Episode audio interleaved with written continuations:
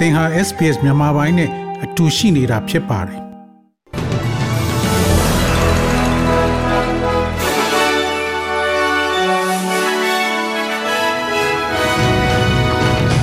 မေလ24ရက်နေ့အတွက်ထိတ်တန့်ရောက်နေတဲ့သတင်းတွေကတော့ဩစတြေးလျနိုင်ငံကညဉ့်ညမ်းကာဗွန်ဓာတ်ငွေရှော့ချမှုလုပ်ဖို့နဲ့ပြည်ပနိုင်ငံကိုပေးတဲ့ကူညီမှုတွေတိုးမြင့်မယ်လို့ဝန်ကြီးချုပ်ကပြောဆိုလိုက်တဲ့အကြောင်းမြန်မာနိုင်ငံမှာ2021ခုနှစ်အတွင်းတည်တံပေးမှုက8ဆနီးပါးပိုများလာတယ်လို့နိုင်ငံတကာလူငယ်ချမ်းသာခွင့်အဖွဲ့ကပြောဆိုလိုက်တဲ့အကြောင်းနဲ့ရုရှားစစ်သားကိုယူကရိန်းစစ်ရာဇဝတ်မှုတရားစွဲသလိုရုရှားဘက်ကလည်းအလားတူတုံ့ပြန်နိုင်တယ်ဆိုတဲ့သတင်းတွေအပြင်တခြားထူးခြားတဲ့သတင်းတွေကိုလည်းနားဆင်ရမှာဖြစ်ပါတယ်။ ဝန်ကြီးချုပ်အသစ်အန်တိုနီအယ်ဘနီစီကဂျပန်နိုင်ငံကိုရောက်ရှိနေတော့ညဉ့်ညမ်းကာဗွန်ဓာတ်ငွေထုတ်လုပ်မှုကိုရှော့ချမယ်လို့ပြောဆိုလိုက်တယ်လို့ပြည်ပနိုင်ငံတွေကိုပေးနေတဲ့အကူအညီကိုလည်းတိုးမြှင့်သွားမယ်လို့ဆိုပါတယ်။တိုကျိုမြို့မှာဂျပန် အမေရိကန် ဂျပန် အိန္ဒိယနဲ့ ဩစတြေးလျနိုင်ငံခေါင်းဆောင်တွေ တက်ရောက်နေတဲ့ Quad ညီလာခံကို တက်ရောက်ခဲ့တော့ပြောဆိုခဲ့တာပါ လေဘာအစိုးရအနေနဲ့ အရှိတောင်အာရှဆိုင်ရာ အထူးကိုယ်စားလှယ်တဦးကို ခန့်အပ်မယ်လို့ ကြေညာလိုက်တယ်လို့အရှိတောင်အာရှအတွက် အကူအညီ ဒေါ်လာသန်းပေါင်း480ပေးမယ်လို့လည်း ကြေညာခဲ့ပါတယ် Pacific ဒေသအတွက် ဒေါ်လာသန်း900ကူညီမယ်လို့လည်း ပြောဆိုထားပါတယ်။ ကွာအစည်းအဝေးတက်ရောက်နေတဲ့အိန္ဒိယဟာလည်းယူကရိန်းကိုဝင်ရောက်ထိုးစစ်ဆင်နေတဲ့ရုရှားရဲ့လုပ်ရပ်ကိုရှုတ်ချကြောင်းအတိအလင်းပြောဆိုလာပြီးအာရှဒေသမှာအဲ့လိုမျိုးလှုပ်ဆောင်ချက်ရှိမယ်ဆိုရင်တုံ့ပြန်သွားမယ်လို့လည်း Quad ခေါင်းဆောင်တွေကပြောပါတယ်။တနည်းအားဖြင့်တရုတ်ကိုဓာတ်ရိုက်သတိပေးလိုက်တာဖြစ်ပြီးအမေရိကန်ကထိုင်ဝမ်ကိုတရုတ်ကသာကျူးကျော်မယ်ဆိုရင်ငြိမ်နေမှာမဟုတ်ဘူးလို့လည်းပြောဆိုပြီးနောက်တရက်မှာပဲအခုလိုပြောဆိုကြတာဖြစ်ပါတယ်။လာမယ့်နှစ်ကျရင်တော့ Australia က Quad ညီလာခံကိုအင်ရှင်အဖြစ်လက်ခံကျင်းပမှာဖြစ်တယ်လို့လည်း SBS အနေနဲ့အတည်ပြုနိုင်ပါတယ်။ ရွေးကောက်ပွဲမှာလေဘာပါတီကအနိုင်ရသွားပေမဲ့ပါတီတစ်ခုတည်းနဲ့လွတ်လွတ်လပ်လပ်အစိုးရဖွဲ့နိုင်မဖွဲ့နိုင်ဆိုတာမသိရသေးပေမဲ့လည်းရွေးကောက်ပွဲကော်မရှင်ကအရာရှိတချို့ကတော့လေဘာပါတီကလွှတ်တော်နေရာ85နေရာရပြီလို့ပြောပါတယ်။အစိုးရဖွဲ့နိုင်လို့လေဘာပါတီအနေနဲ့အောက်လွှတ်တော်နေရာ86ခုရရှိဖို့လိုအပ်တဲ့အတွက်တနေရာစာလိုအပ်နေစေဖြစ်ပါတယ်။လိုအပ်တဲ့86နေရာမရရင်တော့လေဘာပါတီကတတိပုဂ္ဂလသို့မဟုတ်ပါတီငယ်တစ်ခုခုနဲ့အပေးယူလုပ်ပြီးအစိုးရဖွဲ့ရမှာဖြစ်ပါတယ်။ ဩစတြေးလျနိုင်ငံရဲ့ COVID-19 ကူးစက်မှုဟာလူဦးရေအချို့အစားအရာကမ္ဘာအဆိုးအဆုံးထဲမှာပါဝင်ပေမဲ့လူတွေဘလောက်ထိကူးစက်နေတယ်လဲဆိုတဲ့အချက်လက်ကိုအာနာပိုင်တွေသေချာမသိမှကိုဓာတ်ခွဲခန်းပညာရှင်တွေကစိုးရိမ်နေကြပါတယ်။ Microbiologist and infectious disease physician Caitlin Kylie က COVID-19 ရှေ့ကြောင်းလူတွေမိမိရဲ့အသိစိတ်မှာ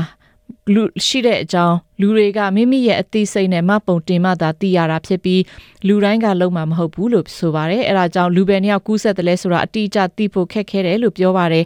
PCR နီးနဲ့ယောဂါရှိမရှိစစ်ဆေးတာမျိုးမဟုတ်တဲ့အတွက်ကိုဗစ်မဟုတ်ရင်တော့ တုတ်ကွေးယောဂဖြစ်နေကြတာလားဆိုတာကိုလည်းမသိနိုင်ဘူးလို့ဆိုပါတယ်။လွန်ခဲ့တဲ့24နာရီအတွင်းဩစတြေးလျမှာကိုဗစ်ကြောင့်သေဆုံးသူ68ဦးရှိပြီးလူပေါင်း4280ခုဆက်ခံခဲ့ရပါတယ်။ South Australia ပြည်နယ်မှာတော့ကိုဗစ်ကယောဂါစတင်ချိန်ကစပြီးချမှတ်ထားတဲ့ Emergency Management Declaration တွေကိုပယ်ဖျက်လိုက်လို့ lockdown ချတာမျိုးလုပ်ဖို့ခက်ခဲပေမဲ့ရှစ်ဆက်ဖို့အရေးကြီးတဲ့အတွက်အဲ့ဒီလို emergency management ကိုဖယ်ရှားပေးလိုက်တာဖြစ်ပေမဲ့ကယောဂပြီးဆုံးဖို့ဝေးနေဆဲပဲလို့ပြည်내ဝန်ကြီးချုပ်ကပြောပါတယ်ယူကရိန်းသမ္မတဗလာဒီမီယာဇယ်လန်စကီကရုရှားနိုင်ငံအပေါ် ဒဏ်ခတ်ပိတ်ဆို့မှုတွေတိုးချဲ့ချမှတ်ဖို့ကမ္ဘာစီးပွားရေးခေါင်းဆောင်တွေကိုတိုက်တွန်းလိုက်ပါတယ်။ Davos မှာကျင်းပတဲ့ World Economic Forum မှာယူကရိန်းသမ္မတကဗီဒီယိုလင့်ကနေတဆင့်စကားပြောဆိုခဲ့တာဖြစ်ပြီးရုရှားဘက်ကထိုးစစ်တွေဒီထက်မဆိုးခင်မှာကြိုတင်လှုပ်ကြဖို့တိုက်တွန်းထားပါတယ်။ It is guaranteed the war would have never started. နိုင်ငံတကာကနေစစ်ဖြစ်မှတုံ့ပြန်ကြမယ့်အစားစစ်မဖြစ်ခင်မှာကြိုတင်ကာကွယ်ခဲ့ကြမယ်ဆိုရင်တော့ဒီစစ်ပွဲဘယ်တော့မှစတင်ဖြစ်မှာမဟုတ်ဘူးဆိုတာကျွန်တော်အာမခံပါတယ်။ယူကရိန်းအနေနဲ့လွန်ခဲ့တဲ့3လအတွင်းအရင်ကမဖြစ်ခဲ့ဘူးတဲ့အရာကို ဖြစ်အောင်ပြသစွမ်းဆောင်နိုင်ခဲ့ပါတယ်။အဲ့ဒါကတော့ယူကရိန်းပြည်သူတွေရဲ့ရဲစွမ်းတပ်တိကိုချီးကျူးဂုဏ်ပြုရင်းဒီမိုကရေစီနိုင်ငံတွေခါတိုင်းထက်စည်းလုံးမှုရရှိကြပြီးကိုပိုင်လွတ်လပ်ရေးရဖို့အတွက်ကိုယ်တိုင်တိုက်ယူမှရမယ်ဆိုတဲ့သင်ခန်းစာကိုသိရှိနားလည်သွားကြခြင်းပဲဖြစ်တယ်လို့ပြောသွားခဲ့ပါတယ်။ဒီရက်ပိုင်းတွေအတွင်းယူကရိန်းဖက်နှိနာမှုများပြီးယူကရိန်းဖက်ကဆက်လက်ခုခံတိုက်ခိုက်ရုံကလွဲပြီးရွေးချယ်စရာမရှိတဲ့အတွက်လာမယ့်သတင်းပတ်တွေမှာခက်ခဲမှုတွေများမယ်လို့လည်းယူကရိန်းသမ္မတကပြောသွားခဲ့ပါတယ်။ နိုင်ငံတကာဥပဒေကျွမ်းကျင်သူတွေကရုရှားစစ်သားတအူးကိုယူကရိန်းကစစ်ရာဇဝတ်မှုနဲ့ထောင်ဒဏ်တစ်သက်တွန်းကျုံချမှတ်ပြီးတဲ့နောက်ရုရှားဘက်ကလည်းသူတို့ဖမ်းမိထားတဲ့ယူကရိန်းစစ်သားတွေအပေါ်တုံ့ပြန်မှုလုပ်နိုင်တယ်လို့ပြောဆိုလိုက်ပါတယ်။ အသက်22နှစ်အရွယ်ရုရှားစစ်သားဗလာဒီမ်ရှီရှီမာရင်ဟာအသက်62နှစ်အရွယ်လက်နက်မဲ့ပြည်သူတို့ကိုပြစ်တက်တဲ့အမှုနဲ့ဆက်ဆက်ပြီးထောင်ဒဏ်တစ်သက်ကြုံကြခံရပါတယ်။ Notre Dame တက္ကသိုလ်က Mary Ellen O'Connor ကတော့ရုရှားဘက်ကလည်းသူတို့ရဲ့ခုံရုံးဖွဲ့ပြီးယူကရိန်းစစ်သားတွေကိုအလားတူအရေးယူမှုလုပ်ပြီးသူတို့စစ်သားတွေအားတည်အောင်လှုံ့ဆော်နိုင်တယ်လို့ပြောပါတယ်။ I understand the Ukrainians are hoping these kinds of trials will deter ယူကရိန်းဘက်ကဒီလိုတရားစီရင်မှုမျိုးကနောက်ထပ်ရက်ဆက်မှုတွေမဖြစ်အောင်တားဆီးတဲ့အနေနဲ့လုပ်တယ်ဆိုတာကိုနားလည်ပါတယ်။အဲ့ဒီလိုအချက်ကိုကျမတို့နားလည်သဘောပေါက်ပေမဲ့ရုရှားဘက်ကသဘောပေါက်မှာမဟုတ်ပါဘူး။ရုရှားတွေမြင်တာကတော့ယူကရိန်းဟာသူတို့လက်ထဲမှာရှိနေတဲ့ရုရှားစစ်သားတွေအပေါ်လက်စားချေနေတယ်လို့သာမြင်မှာဖြစ်ပြီးဒီလိုလုပ်ရကိုတရားကြောင်းမြင်မှာမဟုတ်ပဲ စိတ်ခံစားမှုများလုံးတဲ့အချိန်မှာအန်ရီလည်းများလာတယ်လို့ပြောဆိုခဲ့ပါတယ်။ရုရှားအာဏာပိုင်တွေကတော့သူတို့ဖမ်းမိထားတဲ့ယူကရိန်းစစ်သားတွေကိုရုံးတင်စစ်ဆေးမယ်လို့အစောပိုင်းကချိန်ချောက်မှုတွေလည်းပြုလုပ်ထားပါတယ်။ကင်မရွန်နိုင်ငံနဲ့နီးစပ်တဲ့နိုင်ဂျီးရီးယားနိုင်ငံဘော်နိုပြည်နယ်ရန်မြို့မှာဖြစ်ပွားခဲ့တဲ့တိုက်ခိုက်မှုကြောင့်အနည်းဆုံးလူ90သေဆုံးခဲ့ရပါတယ်။မိုးရသီမှာတီးနှံတွေစိုက်ပျိုးဖို့လယ်သမားတွေဟာ ရှင်းလင်းမှုတွေလုပ်နေတော့တိုက်ခန့်ခံခံတိုက်ခိုက်ခံခဲ့ရတာဖြစ်တယ်လို့မျက်မြင်သက်သေတွေကပြောဆိုပြီးဘိုကိုဟာရမ်အဖွဲ့ကတပ်ပစ်တာလို့ပြောပါတယ်။အဲ့ဒီဒေသမှာဘိုကိုဟာရမ်အဖွဲ့တွေ2009ခုနှစ်ကတည်းကတိုက်ခိုက်မှုလုပ်လာတာဖြစ်ပြီးအဲ့ဒီလိုတိုက်ခိုက်မှုတွေကြောင့်လူပေါင်းတန်းနဲ့ချီရှစ်ပြောင်းမှုလုပ်ခဲ့ရပြီးအယောက်3သိန်းလောက်3သိန်းခွဲကျော်လောက်သေဆုံးခဲ့ရပြီလို့ကုလသမဂ္ဂကပြောပါတယ်။ မြန်မာဘက်ကသတင်းမှာတော့နိုင်ငံတကာလူငင်းချမ်းသာခွင့် Amnesty International အဖွဲ့ရဲ့အဆိုအရမြန်မာနိုင်ငံမှာလူတွေကိုတည်တံပေးတဲ့နှုန်းက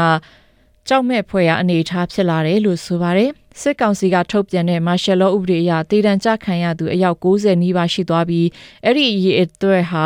သိရတဲ့အရေးအတွက်တာဖြစ်ပြီးမသိရတာမျိုးလည်းရှိနိုင်ပါတယ်တည်တံပေးမှုဟာစစ်ကောင်စီအတွက်စစ်စန့်ကျင် မိမိကိုစန့်ကျင်သူတွေကိုနှိပ်ကုစရာလက်နက်တစ်ခုလိုဖြစ်နေတယ်လို့ပြောဆိုလိုက်ပြီးဒါဟာ2021ခုနှစ်ရဲ့အနေအထားကိုဖော်ပြထားတာဖြစ်ပါတယ်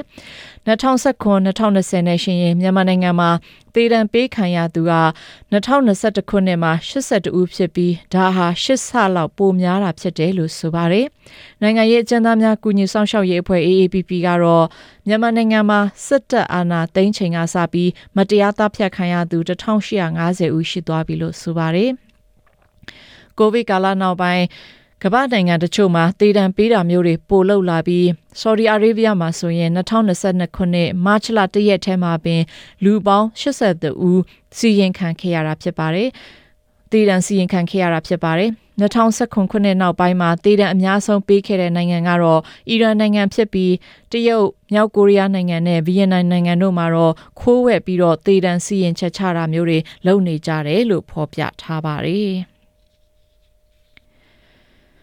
ဂျပန်နိုင်ငံမှာစစ်တင်တန်းတင်ယူခဲ့တဲ့မြန်မာလေတပ်ကဒုတိယဗိုလ်ကြီးတဦးဟာမကွေးဒေသမှာဖြစ်ခဲ့တဲ့တိုက်ပွဲတွေမှာပါဝင်ခဲ့တယ်လို့လူအခွင့်အရေးစောင့်ကြည့်ရေးအဖွဲ့နဲ့ Justice for Myanmar အဖွဲ့ကပြောပါတယ်။ဒီလိုအခြေအနေကြောင့်ဂျပန်အနေနဲ့မြန်မာကိုပေးနေတဲ့စစ်တင်တန်းတွေကိုချက်ချင်းရပ်တန်းကရပ်တင်တယ်လို့တိုက်တွန်းထားပါတယ်။မြန်မာလေတပ်ရဲ့ဒုဗိုလ်မှူးကြီးလွမ်းမိုးဟာ2016-19ခုနှစ်တုန်းကဂျပန်မှာစစ်တင်တန်းတင်ယူခဲ့တာဖြစ်တယ်လို့ All Japan Defense Association နဲ့ကာကွယ်ရေးဆိုင်ရာစာရွက်စာတမ်းတစ်ခုအရပြသထားတယ်လို့ဆိုပါတယ်။အဲ့ဒီအရာရှိဟာမကွေးမန်မကွေးလေတပ်စခန်းမှာတာဝန်ကျတယ်လို့စစ်တပ်နဲ့အဆက်အသွယ်ရှိသူတို့ကပြောဆိုပြီး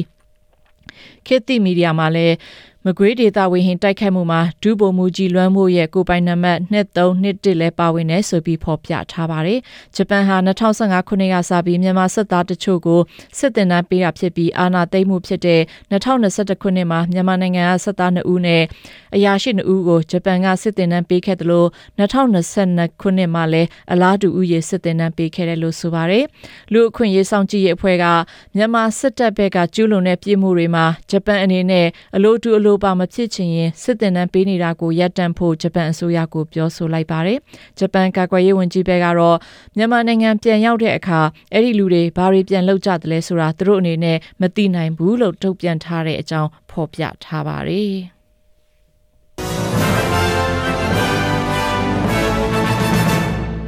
cricket အားကစားမှာတော့ New Zealand ကစားသမားဟောင်း Dania Vittori ဟာ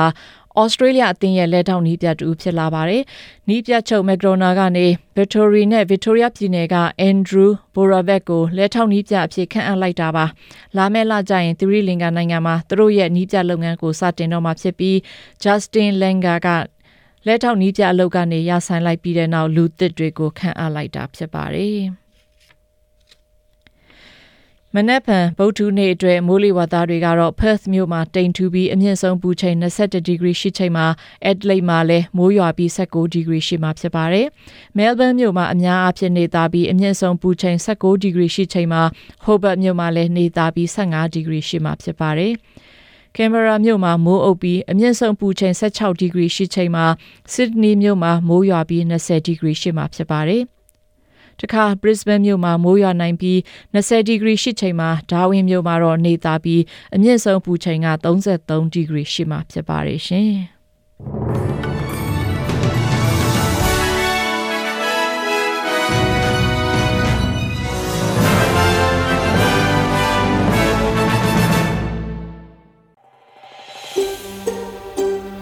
ဒါမျိုးသတင်းဆောင်မတွေကိုပိုနားဆင်လိုပါလား Apple Podcast Google Podcast Spotify တို့မှာသင်ပင်ရာဖြစ်ဖြစ်ရယူတဲ့ podcast ကနေပါ